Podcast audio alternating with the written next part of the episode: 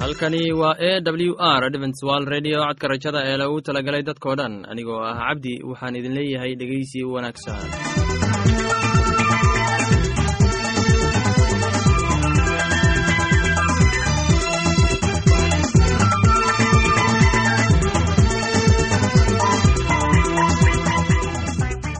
barnaamijyadeena maanta waa laba qaybood. Qaybta koowaad waxaad ku maqli doontaan barnaamijka caafimaadka kadib waxaa inoo raaci doonaa cashar inaga imid bugga nolosha. Barnaamijyadeena maanta si wanaagsan u dhegeysan doontaan haddii aad qabto wax su'aal ama tala. Iyo tusaale fadlan inala soo xiriir dib ayaynu kaga sheegi doonaa ciwaankayagu balse intaynan u guudagelin barnaamijyadeena xiisaa leh waxaad marka hore ku soo dhowaataan.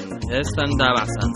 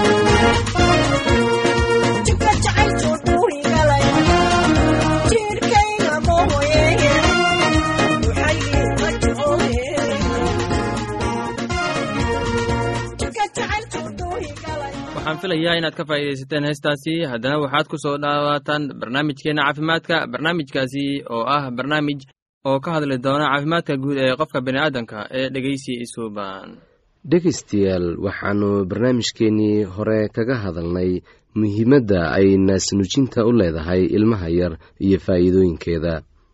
Waxaan kaloon tilmaannay in caanaha naaska hooyadu uu ilmuhu ka difaaco cudurro badan naasnuujintu waxay xitaa ilmaha ka ilaalisaa in ay ku dhacaan orgaanada waxyeelada wata oo waxayna horumariyaan lafaha qalka ku yaalla sidoo kale wuxuu ilmaha ka caawiyaa in ay hooyada fahmaan. Barnaamijkeenna maanta waxaynu ka hadli doonaa faa'iidooyinka ay naasnuujinta u leedahay hooyada naasnuujintu waxay waxtar u leedahay ilmaha yar iyo hooyadaba. Ma jiraan dhalooyin ama musaasado loo baahan yahay oo la karkarinayo ama biyo iyo caano budo ah oo laysku darayo. Sidoo kale hooyada naaska nuujisa waxay naasnuujinta u fududaysaa in miisaanka qaar uu isdhimo maadaama naasnuujintu ay aad u isticmaalaan sokor badan. Naasaha irmaan waxay naasnuujinta ka dhigtaa inay naasuhu sidoodii hore ku soo noqdaan oo ay noqdaan sidii markii hore ay ahaayeen. Tan labaad naasnuujintu waxay hooyada ku qasabtaa in ay nasato. Hooyada naaska nuujisa waa inay fadhiisataa oo dhowr saacadood nasataa si ay u naasnuujiso naasnuujinta habeenkii waa mid sahlan oo wanaagsan. Haddii ay hooyadu ay jiifto way naasnuujin kartaa inta ay yaro hurdayso. Naasnuujintu waa hab dabiici ah oo looga hortegi karo in hooyadu ay uuraysato. Inkastoo aysan ahayn mid laysku halayn karo naasnuujinta isdaba joogga ahi waxay joojisaa in ogxanta hooyada ay la falgalaan biyaha manida ninka. Waxayna ka celisaa hooyada naaska nuujisa inay caado hesho ama ay rinto. Si kastoo ha ahaatee taasi ma aha mid la hubo. Saa darteed waa in haweenaydu ay isticmaashaa waxyaabaha ay kaga hortegi karto si aysan u uraysan inkastoo hooyada naaska nuujisaa ay cunto wanaagsan ay qaadato oo ay isticmaasho galoris fara badan ee sokorta laga helo. Cuntada ay hooyadu isticmaashaa waxay ka jaban tahay qarashka lagu iibsado musaasadaha iyo caanaha qasacadaysan ee ilmaha loo soo iibiyo. Haddaba waxaa loo baahan yahay in hooyada naaska nuujisa ay qaadato cunto dhelitiran oo nafaqo wanaagsan leh. Sidoo kale waxaa loo baahan yahay in hooyadu ay aad u cabto cabitaan fara badan sida caanaha iyo shaaha caddayska ah. Waxaana loo baahan yahay in ay qaadato digirta iyo gelleyda kuwaas oo runtii naasaha aada ugu wanaagsan oo caano badan ka keenaya haddaba waxaa loo baahan yahay in haweeneyda naaska nuujinaysa in aysan isticmaalin wax muqaadaraad ah sida qaadka iyo sigaarka. Waayo taa waxay dhib u keenaysaa caafimaadkeeda iyo kan ilmaha ay nuujinayso. Islamarkaana waxaa yaraanaya caanihii naaska ku jiray. Haddaba waa in hooyada ay mar walba ka taxadirtaa caafimaadka guud ee ilmaheeda iyo iyadaba waxaana loo baahan yahay haddii ay xanuunsato in ay mar walbo la kaashato dhakhtarada ku shaqada leh carruurta iyo haweenka. Haddaba dhegayste waa mid muhiim ah in aan gebi ahaanteenba ahmiyad weyn aynu siinno hooyada naaska nuujinaysa si ay ilmuhu si wanaagsan ugu koraan oo ay u noqdaan kuwa caafimaad buuxa qaba waxaan filayaa inaad ka faaidaysateen barnaamijkaasi. Haddaba haddii aad qabto wax su'aal ama talo iyo tusaale fadlan inala soo xiriir ciwaanka yagu waa codka rajada sanduuqa boosada afar laba laba todoba lix nairobi kenya. Mar labaad ciwaanka yagu waa codka rajada sanduuqa boosada afar laba laba todoba lix nairobi kenya. Imeilka yagu waa somali at a w r o r g. Mar labaad imeilka yagu waa somali at a w r o r g. Ama haddii aad inala soo xiriiri rabtaan barta emesonka ciwaanka yagu oo ah codka rajada at hotmail dot com. Mar labaad codka rajada at hotmail dot com. Ama barta internetka hoyga oo ah w w w dot codka rajada dot o r g waxaad ka akhrisan kartaan falasha meesha ku jiraan iyo wixii kaloo barnaamij oo aad u moodid in ay ku anfici karaan. Haddana waxaad ku soo dhowaataan heestan daabacsan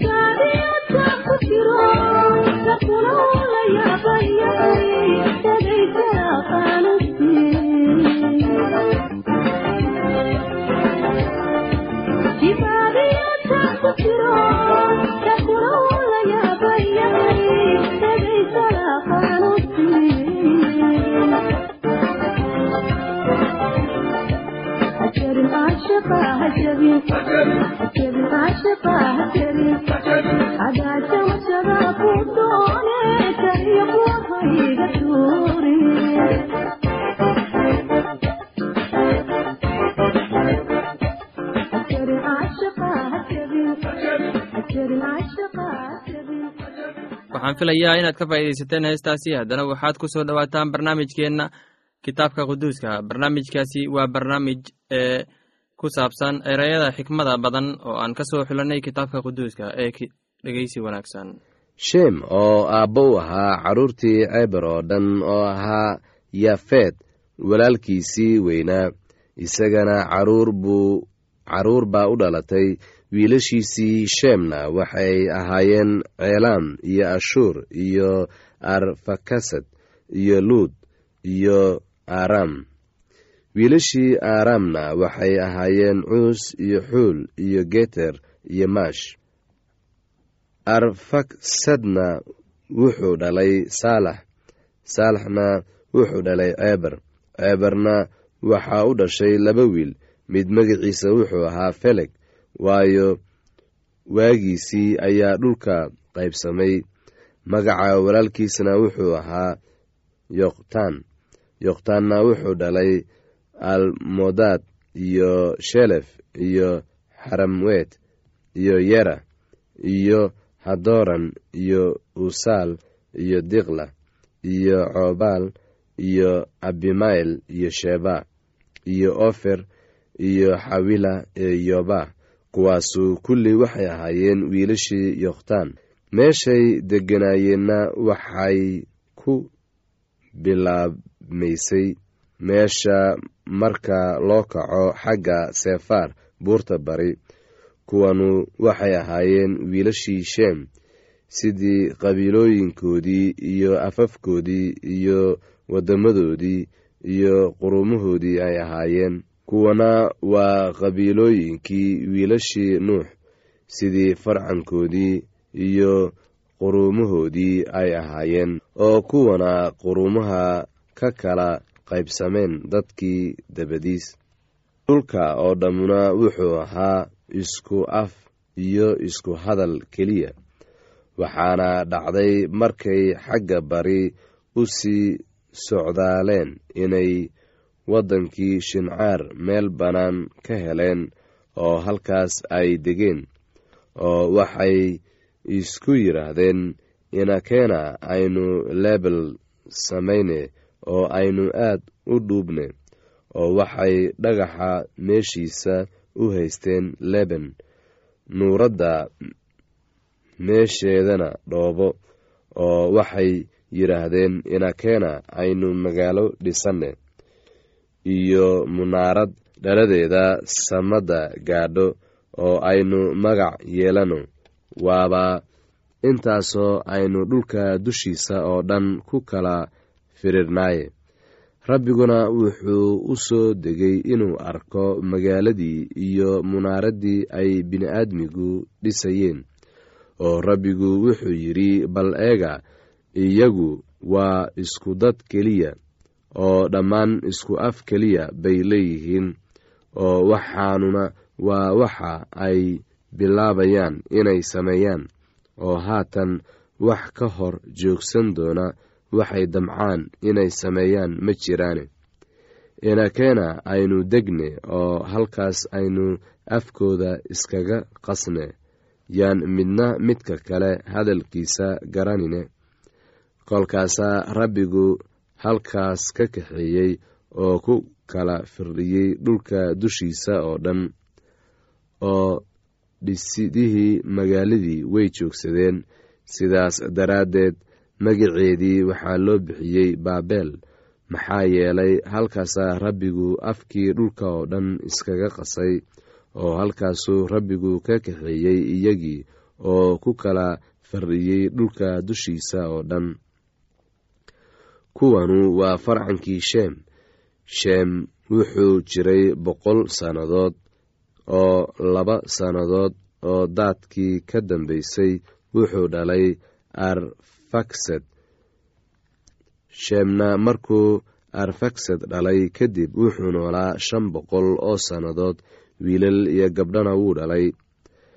Arfakshadna wuxuu jiray shan boqol iyo soddon sannadood wuxuuna dhalay saalax. Arfaksadna markuu saalax dhalay kadib wuxuu noolaa afar boqol iyo saddex sannadood. Wiilal iyo gabdhana wuu dhalay. Saalaxna wuxuu jiray soddon sannadood wuxuuna dhalay ceebar saalaxna markuu ceebar dhalay kadib wuxuu noolaa afar boqol iyo saddex sannadood. Wiilal iyo gabdhana wuu dhalay ceebarna wuxuu jiray afar iyo soddon sannadood wuxuu dhalay feleg ceebarna markuu feleg dhalay kadib wuxuu noolaa afar boqol oo iyo soddon sannadood wiilal iyo gabdhana wuu dhalay. Felegna wuxuu jiray soddon sannadood wuxuuna dhalay ruuca felegna markuu ruuco dhalay kadib wuxuu noolaa laba boqol iyo sagaal sannadood wiilal iyo gabdhana wuu dhalay ruucana wuxuu jiray laba iyo soddon sannadood wuxuuna dhalay seruug. Ruucana markuu seruug dhalay kadib wuxuu noolaa laba boqol iyo toddoba sannadood wiilal iyo gabdhana wuu dhalay. Seruugna wuxuu jiray soddon sannadood wuxuuna dhalay naxoor. Serugna markuu naxoor dhalay kadib wuxuu noolaa laba boqol oo sannadood wiilal iyo gabdhana wuu dhalay. Naxoorna wuxuu jiray sagaal iyo labaatan sannadood. Wuxuuna dhalay teerax naxoorna markuu teerax dhalay kadib wuxuu noolaa boqol iyo sagaal iyo toban sannadood. Wiilal iyo gabdhana wuu dhalay. Teeraxna wuxuu jiray toddobaatan sannadood wuxuuna dhalay abram iyo naxor iyo haram kuwanu waa farcankii teerax teeraxna wuxuu dhalay abram iyo naxor iyo haram. Haranna wuxuu dhalay luut. Casharkaasi inaga yimid bugga nolosha ayaynu ku soo gogobeyneynaa barnaamijyadeena maanta. Halkaad inagala socotaan waa laanta afka soomaaliga ee codka rajada ee loogu talagelay dadkao dhan. Haddaba haddii aad doonayso inaad wax ka faaidaysataan barnaamijka caafimaadka barnaamijka nolosha qoyska ama aad doonayso inaad wax ka warataan bugga nolosha fadlan inala soo xiriir ciwaanka yagu. Waa codka rajada sanduuqa boosada afar laba laba todoba lix nairobi kenya. Mar labaad ciwaanka yagu waa codka rajada sanduuqa boosada. Afar laba laba todoba lix nairobi kenya. Emeilka yagu waa somali at a w r o r j mar labaad emeilka yagu waa somali at a w r o r j haddii aad doonayso inaad inagala sheekaysataan barta emesonka ciwaanka yagu oo ah codka rajada oo hal eray ah codka rajada at hotmail dot com ama barta hoyga internetka ciwaanka yagu oo ah w w w dot codka rajada dot o r g dhegeystayaasheenna qiimaha iyo qadarinta mudanow barnaamijyadeena maanta waa naga intaas. Tan iyo intaynu hawada dib ugu kulmayno waxaan idin leeyahay sidaas iyo nabadgelyo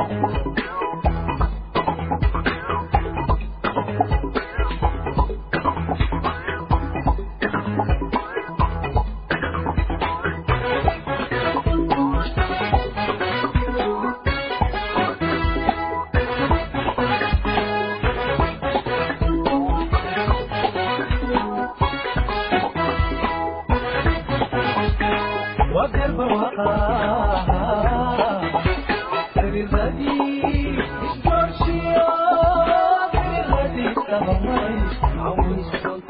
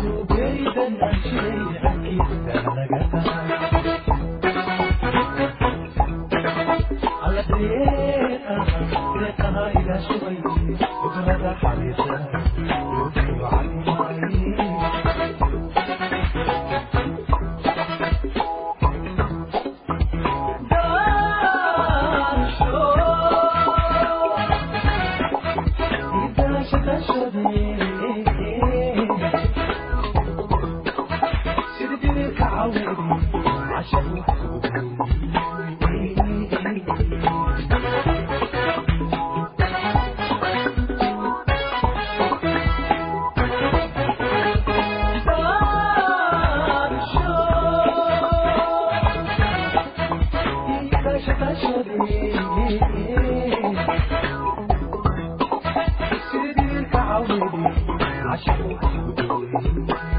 you.